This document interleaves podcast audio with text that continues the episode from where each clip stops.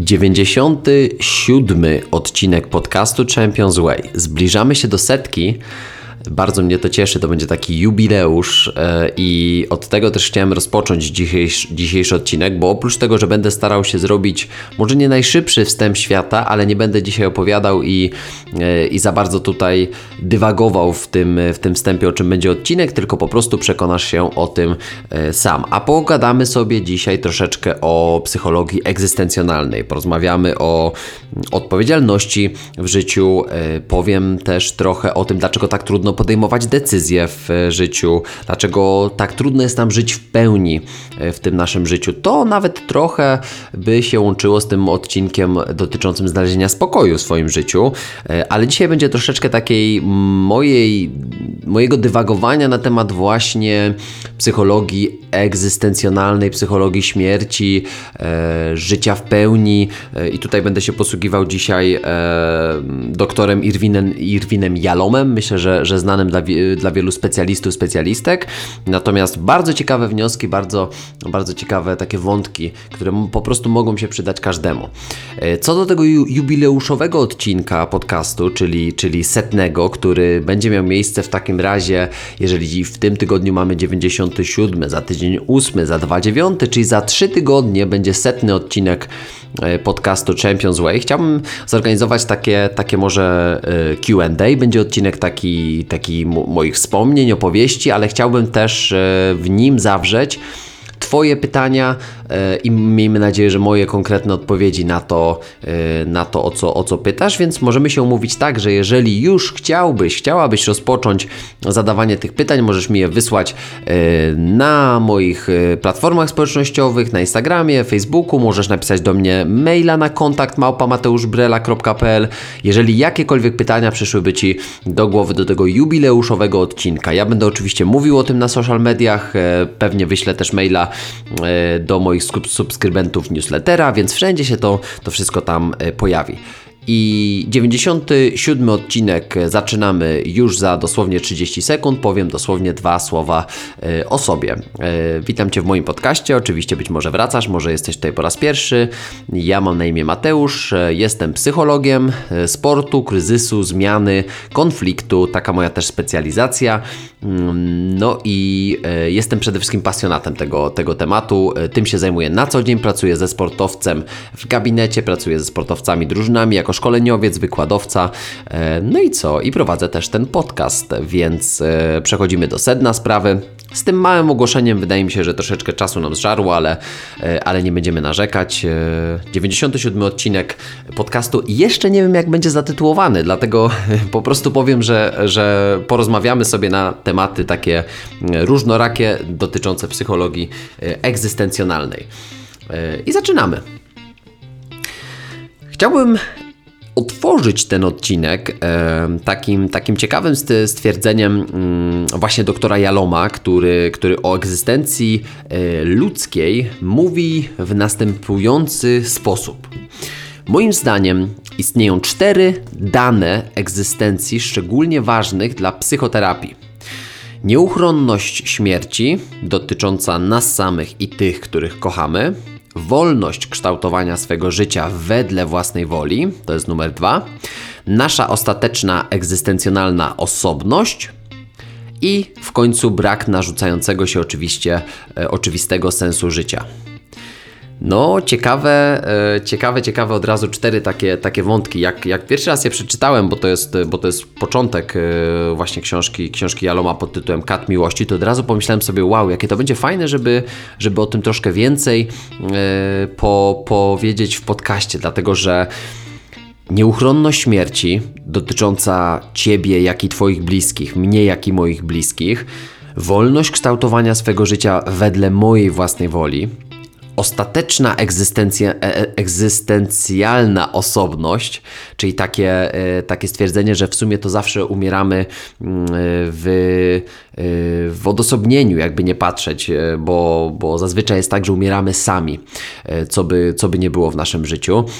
I brak narzucającego się oczywistego sensu życia to jest też jeden z tych problemów, jednych z takich kryzysów, który, który może nas prowadzić do takiego miejsca trochę no niewiedzy, takiego strachu, lęku. To są takie takie właśnie dane egzystencji, które no szczególnie mogą na, nam doskwierać w różnych etapach, na różnych etapach naszego życia. Mało tego, wyobraź sobie, że niektóre z nich działają w sposób łączący się czyli masz strach przed nieuchronnością śmierci, do tego e, swojej, jak i Twoich bliskich. E, pojawia się na przykład brak wolności kształtowania swego życia, bo tej własnej woli być może nie masz e, w danym momencie, tak by się wydawało. Mm, może, może do tego dochodzi właśnie jakiś taki brak oczywistego sensu życia, no i mamy może nie przepis, ale mamy y, potencjalnie no, łatwość i możliwość popadnięcia w jakiś, w jakiś kryzys. I teraz to są rzeczy, które przydarzają nam się na co dzień. Ja też nagrywam ten odcinek, dlatego że chyba sam go potrzebuję. E, dlaczego? Dlatego, że, że myślę sobie ostatnio o takim temacie spokoju. Właśnie na, też na, na, na bazie i na podstawie tego odcinka, który nagrywałem, e, który nagrywałem przed e, tym wywiadem, rozmową, rozmową z Weroniką Zielińską-Stubińską. Swoją drogą mam nadzieję, że ten odcinek podobał Ci się tak samo jak mnie, albo i bardziej nawet. E, a, a właśnie mówiłem w 95 odcinku o tym, że spokoju w życiu w pełni nigdy nie znajdziemy i zawsze będzie nam towarzyszyło takie poczucie, że jeszcze czegoś nie zrealizowaliśmy, jeszcze czegoś nie zrobiliśmy. Mało tego, jeszcze czegoś brakuje, że ciągle jesteśmy w drodze. E, oczywiście porównując się bardzo często też do innych ludzi, którzy w tej drodze są w, w nieco innych położeniach, tak, e, tak można by powiedzieć. Mm, natomiast prawda jest taka, e, że jednocześnie wiemy, ale nie wiemy. E, na przykład o śmierci wiemy, pojmujemy jej fakt intelektualnie, ale odcinamy od siebie przerażenie związane z samą e, śmiercią. Mm, I tutaj Jalom mówi, że, że, że raczej czyni to nieświadoma część naszego umysłu, która chroni nas przed obezwładniającym lękiem. Ten proces odłączania się przebiega bowiem w sposób nieświadomy i niewidzialny. O jego istnieniu przekonujemy się podczas tych rzadkich epizodów, kiedy mechanizm wyparcia pęka i lęk przed śmiercią wybucha z całą swą siłą. Nieczęsto się to zdarza, raz lub dwa razy w życiu może, tak twierdzi oczywiście dr Jalom, czasami na jawie, kiedy sami ocieramy się o śmierć lub kiedy umrze ktoś nam bliski. Najczęściej jednak lęk przed śmiercią wychodzi na powierzchnię, na powierzchnię w koszmarach sennych. E, doktor Jalom też jest człowiekiem, który bardzo dużo mówi o, o snach, jako o takiej e, rzeczywistości, która interpretowana w odpowiedni sposób przynosi nam wiele odpowiedzi na, na, na pytania, które sobie, które sobie stawiamy. E, ale to trzeba by trochę poczytać Jaloma, e, żeby, żeby się bardziej w to, w to zagłębić. Ja, ja chciałbym skupić się na konkretach, bo, bo nie chciałbym, żeby ten odcinek był wodolejstwem, tylko żebyśmy odnosili się do konkretnych wątków, które mam nadzieję na koniec tego odcinka złożą nam się w całość. Najważniejszym elementem, yy, wydaje mi się, w tej, w tej całej układance do naszej egzystencji jest znalezienie yy, sposobu na to, żeby przejąć odpowiedzialność nad, nad własnym życiem. Każdy specjalista, każdy terapeuta wie, że pierwszym zasadniczym krokiem w terapii jest przyjęcie przez pacjenta odpowiedzialności za swe życie. No i tutaj Jalom nam podpowiada, że dopóki ktoś wierzy, że jego problemy powodowane są jakąś zewnętrzną siłą, terapia nie może ruszyć z miejsca. Jeśli bowiem problem le leży gdzieś poza mną, to dlaczego ja mam się zmieniać? Trzeba zmienić albo wymienić świat zewnętrzny, przyjaciół, zawód, partnera. I tutaj to może się kojarzyć z tym, że wszyscy są przeciwko mnie, ktoś się na mnie uwziął, nauczyciele się uwzięli, trenerzy się uwzięli, rodzice się uwzięli, wszyscy robią mi po, pod górkę. E, I, i dlatego, dla, dla, dlatego y, zazwyczaj odnosimy się z ogromnym oporem do przejęcia odpowiedzialności nad swoim własnym życiem, bo wydaje nam się, że w sumie to jakby my mamy tą sprawczość nad swoim życiem. Mało tego, na przykład jesteśmy u psychologa, pracujemy z, z, z psychoterapeutami, no właśnie po to, bo chcemy przejąć odpowiedzialność nad swoim życiem, a na, na, swoje, na y, odpowiedzialność nad swoim życiem. Y, I to jest już oczywiście przedsionek zmiany, bo wiadomym jest, że zmiana y, jest poprzedzona e, wewnętrznym konfliktem i jakiegoś rodzaju kryzysem, który doprowadza nas do chęci zmienienia swojej obecnej sytuacji. Przyjęcie odpowiedzialności właśnie wprowadza nas jako, jako ludzi w ten przedpokój, przedsionek zmiany, ale nie jest ze zmianą równoznaczne. A prawdziwym celem w ogóle pracy takiej głębokiej jest zawsze zmiana. Choćby nie wiem, jak terapeuta, specjalista, z kimkolwiek byś nie pracował, podkreślał znaczenie wglądu w siebie, odpowiedzialności i samorealizacji, jakiejś transcendencji, czyli, czyli robienia czegoś ponad siebie, wychodzenia spoza e, swojego, swojego ja e, i, i, takiego swojego ego, to najważniejsze jest przeprowadzić osobę przez, przez proces zmiany czyli de facto przeprowadzić siebie samego, siebie samą przez ten proces y, zmiany. Dlatego, że że y, po pierwsze to ty musisz zapoczątkować coś takiego, co, co, co też nazywamy wolną wolą, czyli ty musisz chcieć tego. Bo żeby się coś zdarzyło, to ty musisz tego czegoś bardzo chcieć w swoim życiu albo bardzo nie chcieć w swoim życiu. To tak jak powiedziałem, to jest też ten wewnętrzny e, kryzys, który doprowadza cię do, do działań, które, mm, które prowadzą nas do podejmowania decyzji. Natomiast można, można teraz sobie zadać pytanie, dobrze. Jestem na etapie, w którym czuję wewnętrzny konflikt ale ten konflikt jeszcze nie jest kryzysowy. W takim sensie nie, nie, nie czuję, że jestem w kryzysie życiowym. To, to jest yy, przedsionek zarówno zmiany, jak i przedsionek kryzysu, bo kolejnym etapem po konflikcie jest wpadnięcie w kryzys, bo nic z tym nie robię, bo nie działam i yy, na bazie tego wydaje mi się, że, że jesteśmy w stanie yy, po, podjąć decyzje, które nas albo poprowadzą do zmiany, albo nas pogłębią w tym konflikcie, tworząc kryzys. No i teraz, dlaczego kiedy już czujemy tą odpowiedzialność, chcemy tej zmiany, chcielibyśmy zrobić coś w naszym życiu, co faktycznie przeprowadziłoby nas przez ten, e, przez ten proces zmieniania czegoś w naszym życiu, dlaczego tak trudno w życiu podejmować decyzje? Dlaczego tak trudno możemy powiedzieć, żyć pełnią tego życia, czyli brać wszystko mm, jak, jak jest. I tutaj to jest niesamowite w ogóle porównanie. Ja już go kilka razy w, w międzyczasie używałem e, z moimi klientami w, w gabinecie, kiedy rozmawialiśmy właśnie e, no konkretnie o tym temacie, czyli, czyli, mm, czyli trudności podejmowania decyzji. Yy, I, I w ogóle z wielu powodów, ale, ale niektóre z nich sięgają samych podstaw naszego jestestwa, naszego bytu. John Gardner w powieści e, Grendel na przykład opowiada o pewnym mądrym człowieku, który streszcza swe medytacje, e, tajemnice, tajemnic życia dwiema prostymi, ale prze, przerażającymi prawdami. Rzeczy zanikają, e, alternatywy się wykluczają. Rzeczy zanikają, alternatywy się wykluczają. Czyli alternatywa, alternatywna opcja to jest decyzja A i decyzja B. Czyli dla decyzji A alternatywą będzie decyzja B.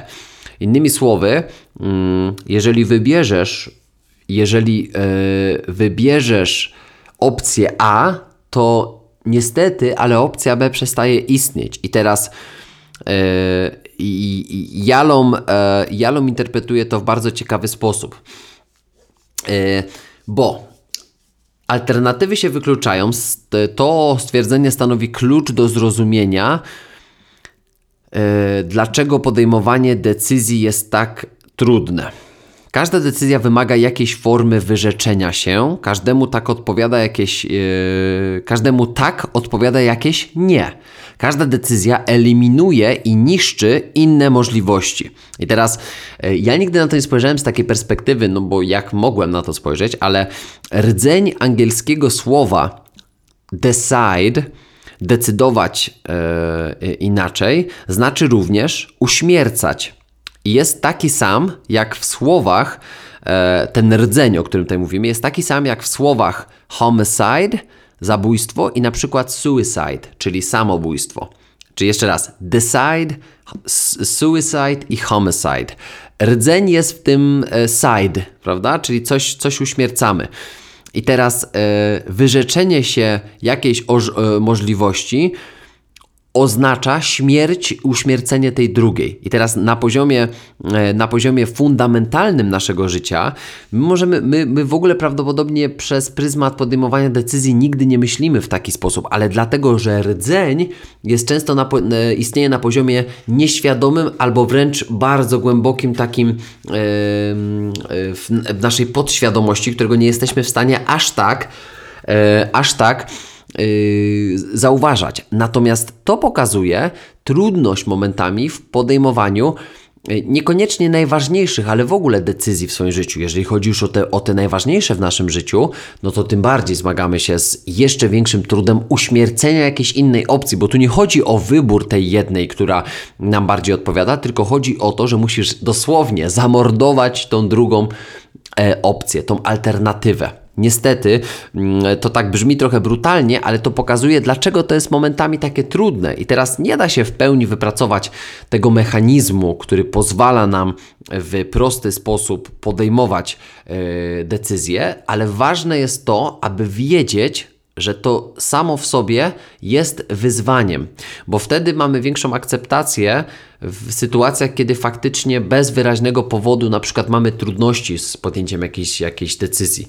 Oczywiście to też jakby mm, pewnie możemy się tego nauczyć, Są, jest, jest wiele strategii, które pozwalają nam podejmować e, bardziej analitycznie Mm, decyzja, ale to my nie o tym, bo tutaj to się, te, te, tego typu decyzje nie odbywają się na poziomie twardym, czyli musimy rozważyć opcję A, opcję B, plusy, minusy, za i przeciw. Nie o to nam tutaj chodzi. Chodzi nam o to, żeby zrozumieć na poziomie, tak jak powiedziałem wcześniej, fundamentalnym, w takim rdzeniu, e, skąd się bierze e, właśnie historia też podejmowania tych, tych, tych decyzji. I to najczęściej jest związane z, jakimś, z jakimiś takimi, powiedziałbym, właśnie egzystencjonalnymi wyzwaniami problemami w życiu człowieka, mm, dlatego że, że to często chodzi właśnie o ten, y, o ten sens, o ten cel życia, o to poczucie sprawczości, mm, o takie poczucie bycia ważnym i ważną. I, I to możemy zadać sobie pytanie takie bardzo, czy to życie może mieć jakiś stały, niepodważalny sens, to do czego, do czego dążymy. E, odpowiedzi jednoznacznej nigdy nie, nie, nie otrzymamy. Wszystko też zależy od naszej, naszej kruchości emocjonalnej, czy, czy to pytanie nie będzie dawało nam spokoju, tak jak wielu współczesnym mężczyznom i kobietom. Mm, I przez to wiele, wielu ludzi zgłasza się e, na terapię, ponieważ czuje, że ich życie pozbawione jest sensu i celu. E, więc jesteśmy istotami poszukującymi sensu i znaczenia w, w, w naszym życiu. Zauważalne jest to już na, na poziomie biologicznym, bo nasz system nerwowy jest tak skonstruowany, że mózg automatycznie grupuje napływające do niego bodźce w znaczące struktury. Sens daje nam także poczucie panowania nad swoim własnym życiem. W obliczu jakichś przypadkowych, nie, niezbornych e, zdarzeń czujemy bezradność i, i pomieszanie, pragniemy je od razu uporządkować. E, bo, bo chcesz mieć przecież poczucie e, mocy, kontroli nad tym, e, co się w Twoim życiu dzieje. I co jest najważniejsze, sens jest źródłem wartości, a co za tym idzie, kształtuje zasady postępowania. Mm, to, to, to często też tutaj Jalon właśnie podpowiada, że, że odpowiedź na pytanie po co żyję dostarcza odpowiedzi na pytanie jak mam żyć bo to, bo to jedno przez, przez drugie mówi. Jeżeli wiem po co żyję, to, to zdaję sobie sprawę, um, jaki, jaka, jaka droga czeka mnie do tego, żeby, żeby dojść do tego, mm, do tego celu, e, o którym tutaj, tutaj mówimy. Ja myślę, że, że tolerowanie niepewności w naszym życiu to jest coś, co nam przychodzi z e, bardzo, bardzo dużym e, trudem, bo, bo każda istota ludzka poszukuje sensu i jakiejś pewności w tym, w tym wszechświecie. Czy, czy na przykład wierzysz w Boga, czy nie wierzysz, to, to, to, to w jaki sposób ty sobie tworzysz twoją, swoją własną rzeczywistość w, w, w ten czy inny sposób. Jeżeli nie wierzysz, że istnieje życie po śmierci, no to, to pytanie, na ile na przykład to jest dla ciebie motywujące, a na, na ile to cię przeraża. Tak, że na przykład musisz wszystko zrobić teraz w tym życiu, bo następnego nie ma. Z drugiej strony, to przecież jest takie dobre, dobre podejście yy, w stylu właśnie memento mori, czyli pamiętaj o śmierci. Chodzi o to, żeby pamię pamiętać o tym, że kiedyś wszyscy umrzemy, więc dlaczego nie wykorzystać tego czasu yy, tu i teraz, jak najlepiej jest tylko możliwe. Yy, I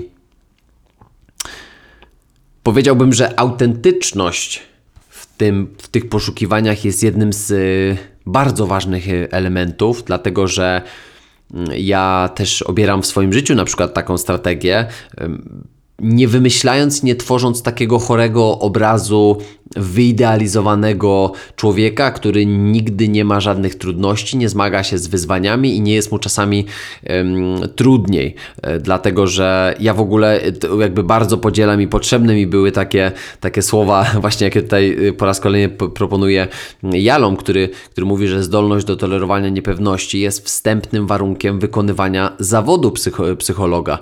Ludzie zwykle sądzą, że terapeuta metodycznie i pewnie prowadzi pacjenta przez kolejne dające się z góry przewidzieć etapy terapii do, do z, z góry znanego sobie celu. To się zdarza, ale bardzo rzadko. Jak pokazują moje historie, terapeuci często błądzą, improwizują, po omacku szukają kierunku. Poddanie się silnej pokusie pewności poprzez przyłączenie się do rzeszy wyznawców jakiejś ideologii terapeutycznej lub sztywnego systemu teoretycznego jest bardzo zdradliwe.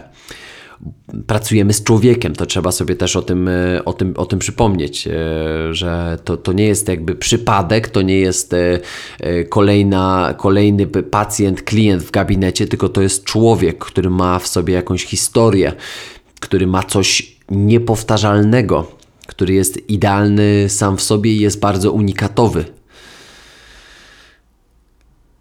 Dlatego sztywne podejście do, do siebie samego, ale też w moj, moj, mojej pracy do każdego klienta jest bardzo zdradliwe, bo nie, uniemożliwia bowiem spontaniczne, pełne niepewności spotkanie dwóch osób konieczne dla efektywnego, dla efektywnej pracy psychologicznej. E, więc, e, więc ja uważam, że Terapeuta tutaj y, jakby pisze Jalom, y, musi spełniać podwójną rolę. Zarówno obserwować życie pacjenta, jak i uczestniczyć w nim. A teraz ja bym jeszcze dołożył trzecią, mm, trzecią rolę, y, czyli nie tylko obserwator i uczestnik, ale ja bym powiedział, że jeszcze musi w tym wszystkim obserwować siebie i swoje własne życie w tym, w tym, w tym, w tym całym procesie.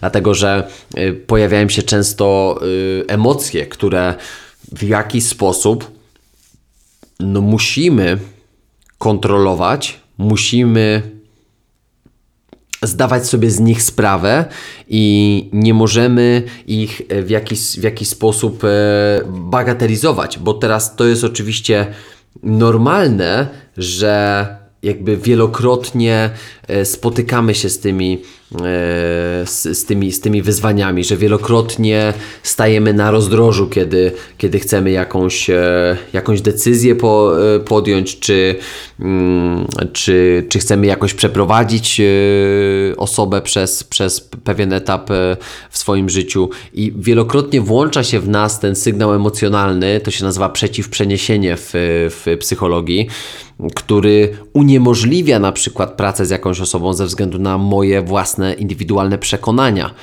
I bardzo ważne jest to, bo jakby po co to wszystko mówiłem? Mówiłem to trochę ze względu na siebie, że to mi daje taki, taki duży spokój w tym, że merytorycznie oczywiście zawsze, ale to we wszystkim. Jeżeli chcesz być dobry w, czym, w tym, co robisz, to musisz się uczyć, musisz się kształcić, musisz zdobywa, zdobywać wiedzę. To jest fakt. Natomiast coś bardzo ważnego to jest bycie otwartym. To jest, e, to jest oczekiwanie i dawanie z siebie pełni, e, żeby naprawdę otworzyć się na to, co dzieje się w drugim, w drugim człowieku. I, I to bym powiedział, że nie musisz być terapeutą, nie musisz być psycholożką, żeby do takich, e, do takich wniosków dojść, bo po prostu w rozmowie z drugim człowiekiem, jeżeli postawiłbyś, postawiłabyś sobie za cel to, żeby naprawdę zobaczyć tą osobę, to to, to zadaj sobie pytanie, czy mierzysz się też z takimi wyzwaniami, wyzwaniami dotyczącymi na przykład swoich przekonań o danej sytuacji czy o danej osobie. Bo może być tak, że od razu, albo może nie od razu, ale zamykasz się w, w wielu momentach tylko dlatego, że Twoje przekonania o tej osobie w jaki sposób kształtują na przykład kierunek tej rozmowy, albo ton tej osoby, albo to w jaki sposób coś zostało powiedziane, trochę jakby Cię odpychało. I teraz, czy to jest jakby ok, żeby to czuć? Czy to jest ok, żeby mieć takie czasami właśnie silne, negatywne, trudne emocje i takie dziwne uczucia wobec osoby, która teorii e, powinna ci być bardzo bliska, jak najbardziej. Tylko teraz, dlatego tak ważne jest w kontakcie z drugim człowiekiem e, zajrzenie no właśnie w głąb tego, mm, tego wszystkiego, co się, y, coś, co się w danej chwili dzieje z tobą, bo być może to ty masz jakiś problem w danej sytuacji, z, z tą sytuacją, a może ona w ogóle nie jest ważna. Na przykład mnie tego bardzo uczy Jalon poprzez to, o czym pisze, ponieważ często ma jakieś takie swoje wewnętrzne przekonania albo jakieś takie.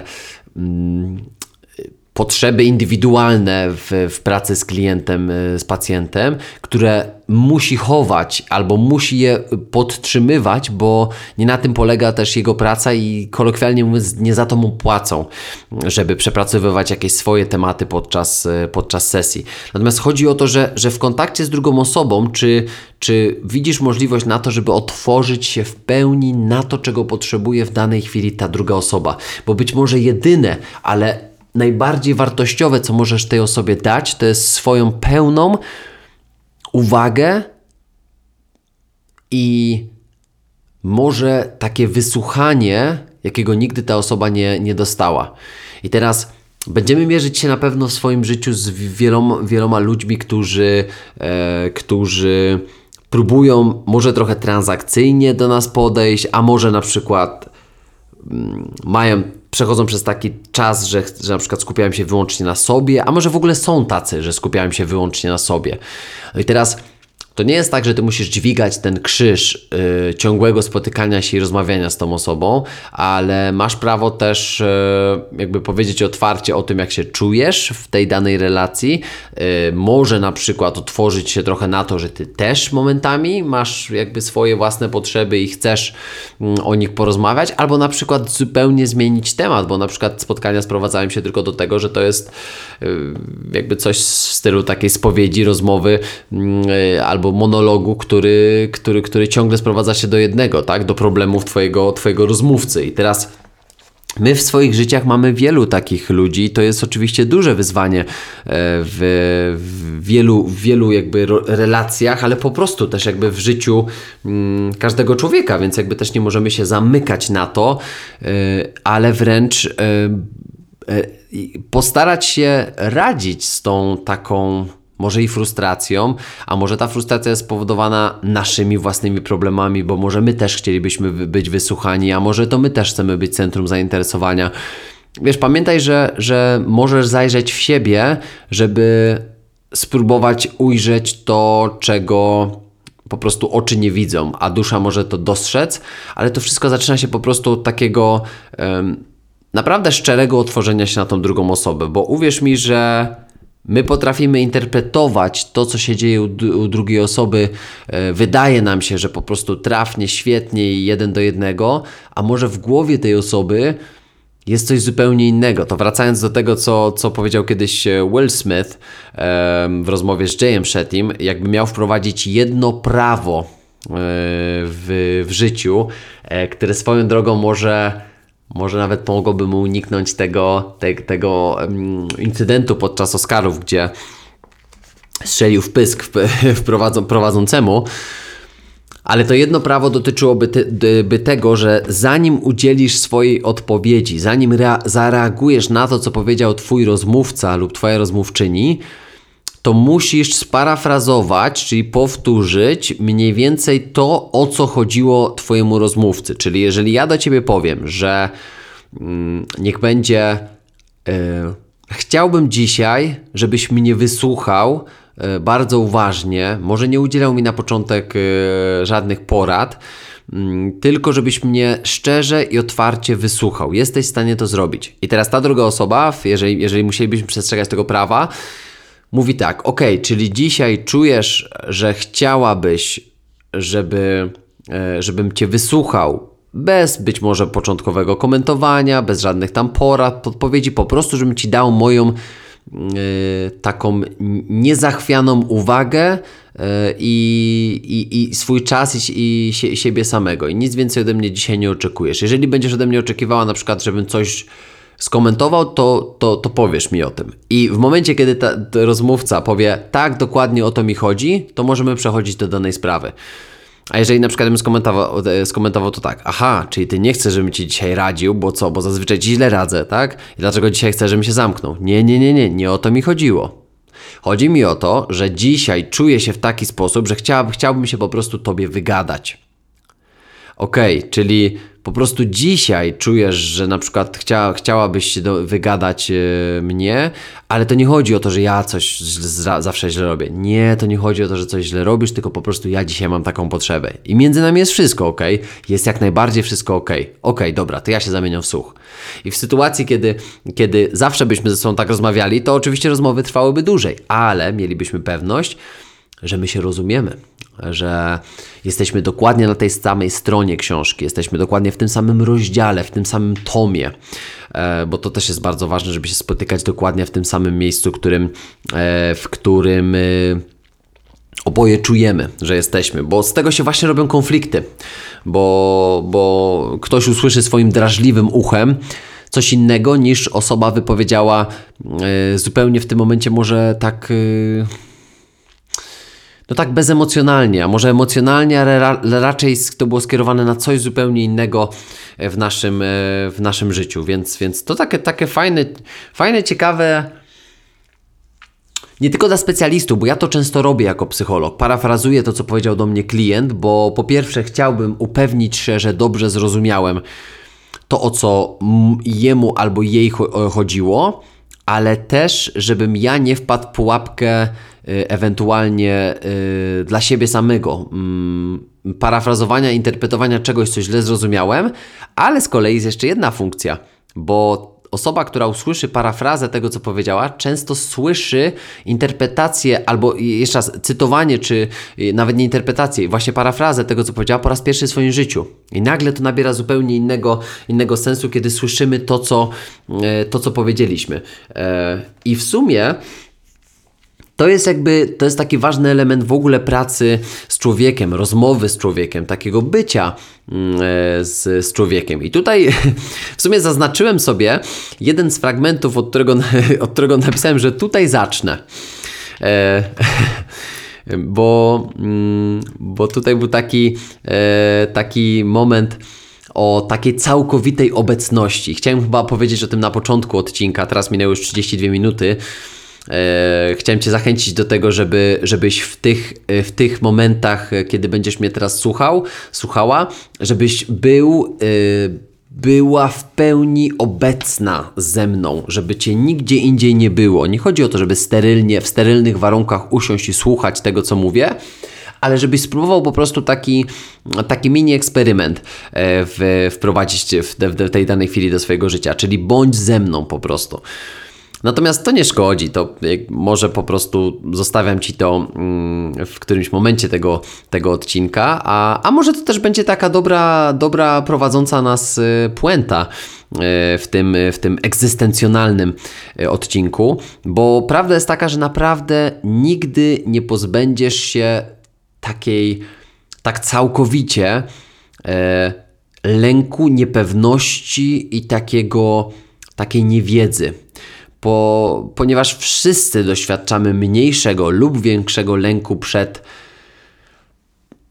na przykład śmiercią, przed na przykład niezrobieniem czegoś, niewykonaniem, e, przegraniem, odpadnięciem, byciem ocenionym, bo to jest cena, jaką musimy zapłacić za naszą samoświadomość. Im bardziej świadomą osobą się stajesz, tym Trudniej jest momentami radzić sobie z e, takimi rzeczami czy takimi tematami jak śmierć, która jest nieuchronna, nieodwołalna i jedna z kilku rzeczy, które są w naszym życiu pewne. No ale no można sobie zadać pytanie, po co myśleć o śmierci? Przecież nic nie możemy na nią poradzić. No to oczywiście samoświadomość nam podpowiada, um, że oczywiście fakt śmierci niszczy nas, myśl o śmierci jednak może zbawić. Dlaczego? Dlatego, że świadomość śmierci ustawia życie w innej perspektywie. Co to z nami robi? Na przykład skłania nas do zmiany swoich priorytetów.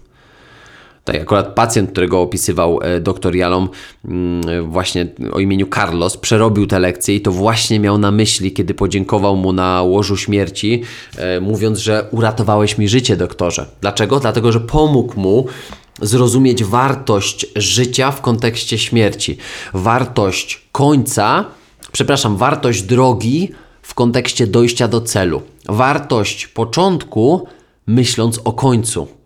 I tu nie mówimy tylko o sprawach właśnie takich y, związanych ze śmiercią, tylko mówimy, rozpoczynamy coś, co skończy się. I teraz jak chcesz wspominać to, co zrobiłeś?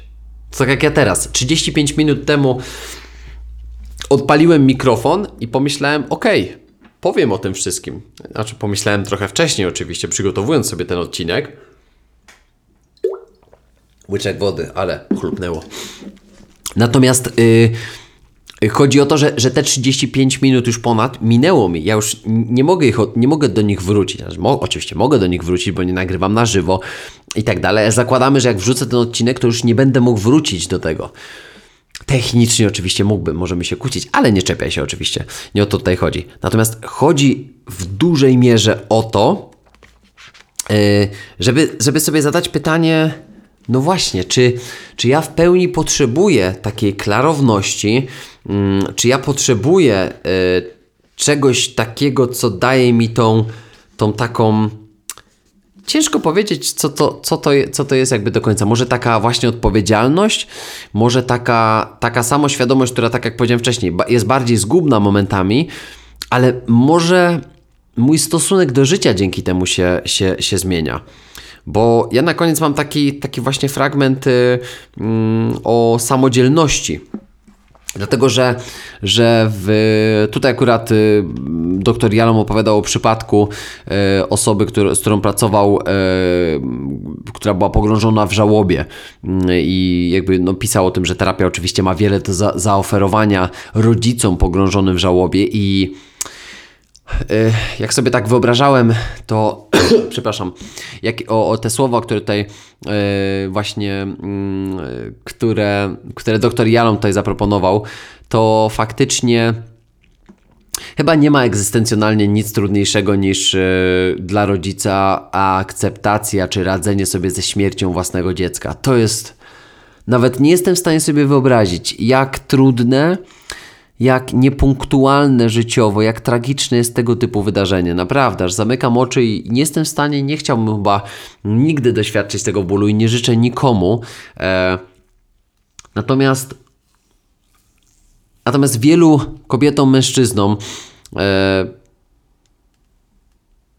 jakby warto też powiedzieć o tym. To też jest w ogóle może temat na zupełnie inny odcinek, e, ale też przeżywanie na przykład trudności, przeżywanie takich bardzo kryzysowych momentów e, mężczyzny i kobiety. Nie chodzi tutaj o kategoryzację, tylko chodzi o to, że czasami jest tak, że mężczyzny i kobiety, e, mężczyźni i kobiety zupełnie inaczej przeżywają na przykład żałobę, zupełnie inaczej przeżywają jakieś trudności, które, które dzielą i częstym zjawiskiem które przeszkadza w kształtowaniu takiej relacji, jest właśnie nieumiejętność zgodzenia się na to, że przeżywamy pewne sprawy inaczej.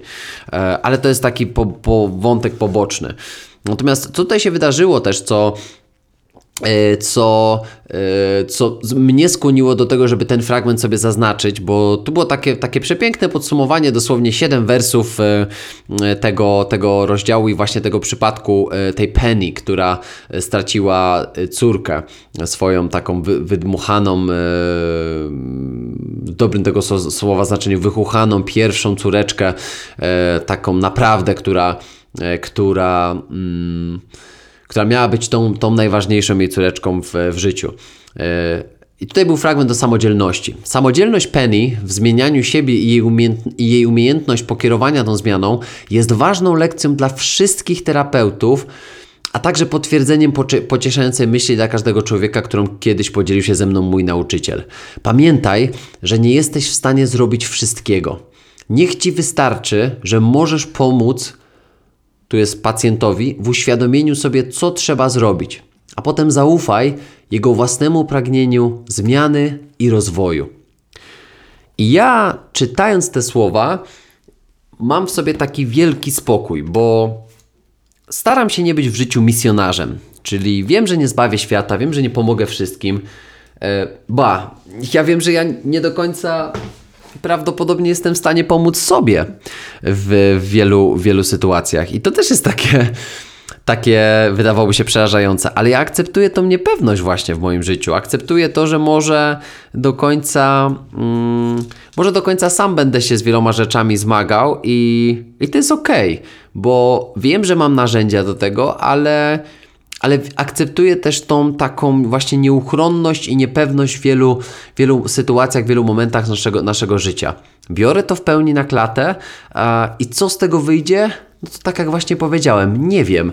Jestem w pełni otwarty na to, co, e, co, co przyniesie każdy kolejny dzień. Nie zawsze jest idealnie, ale wiem, że, że to taka samodzielność w podejmowaniu w tych, tych moich własnych decyzji i być może w Twoich, w Twoim życiu jest tym, co sprowadza nas do myślę, że takiego trochę jaśniejszego e, wniosku, że żeby przeżyć życie warte przeżycia, trzeba w dużym stopniu zaakceptować z pełną odpowiedzialnością tą niepewność, która w tym, w tym naszym życiu e, się, się pojawia. I może to jest właśnie dobry moment, żeby postawić kropkę. A może właśnie zrodził się też tytuł tego odcinka? Jak przeżyć życie warte przeżycia? To takie dużo przeżyć, wa- e, ży- przeżyć życia, przeżycia. Może jakoś to jakoś inaczej to, to, to może zmienię i ułożę, ale coś czuję, że to mi się krystalizuje jakby wokół tego mm, właśnie pomysł na, e, na, na odcinek, czyli jak przeżyć życie, które jest warte przeżycia. Takie egzystencjonalne opowieści. E, ja Ci dziękuję, że byłeś e, i byłaś ze mną w 97 odcinku podcastu Champions Way. Zapraszam Cię do 98 odcinka i już za tydzień tak jak pisałem ten harmonogram e, produkcji odcinku będzie troszeczkę inny niż zazwyczaj, przynajmniej jeszcze w maju, e, bo, bo odcinki będą się pojawiały w czwartek lub w piątek. To też chodzi tutaj o, mm, o, o te produkcyjne e, plany, jakie, e, jakie, jakie mam i też goście, z którymi rozmawiam. Akurat tak się złoży, że po prostu te odcinki prawdopodobnie będą się pojawiały e, w czwartki lub piątki, ale i tak zawsze co tydzień będzie odcinek yy, dostępny. Odcinek będzie dostępny. Yy, więc już zapraszam Cię z tego miejsca również na ten odcinek setny, który za trzy tygodnie ujrzy yy, światła dziennego. E, no i co? I tak jak powiedziałem na początku, e, jestem otwarty na Twoje pytania. Mam nadzieję, że poraczę Cię moimi odpowiedziami. Dzięki, że byłeś po raz kolejny, e, gdziekolwiek jesteś, gdziekolwiek tego słuchasz. E, do zobaczenia, dobrej nocy i na razie, cześć.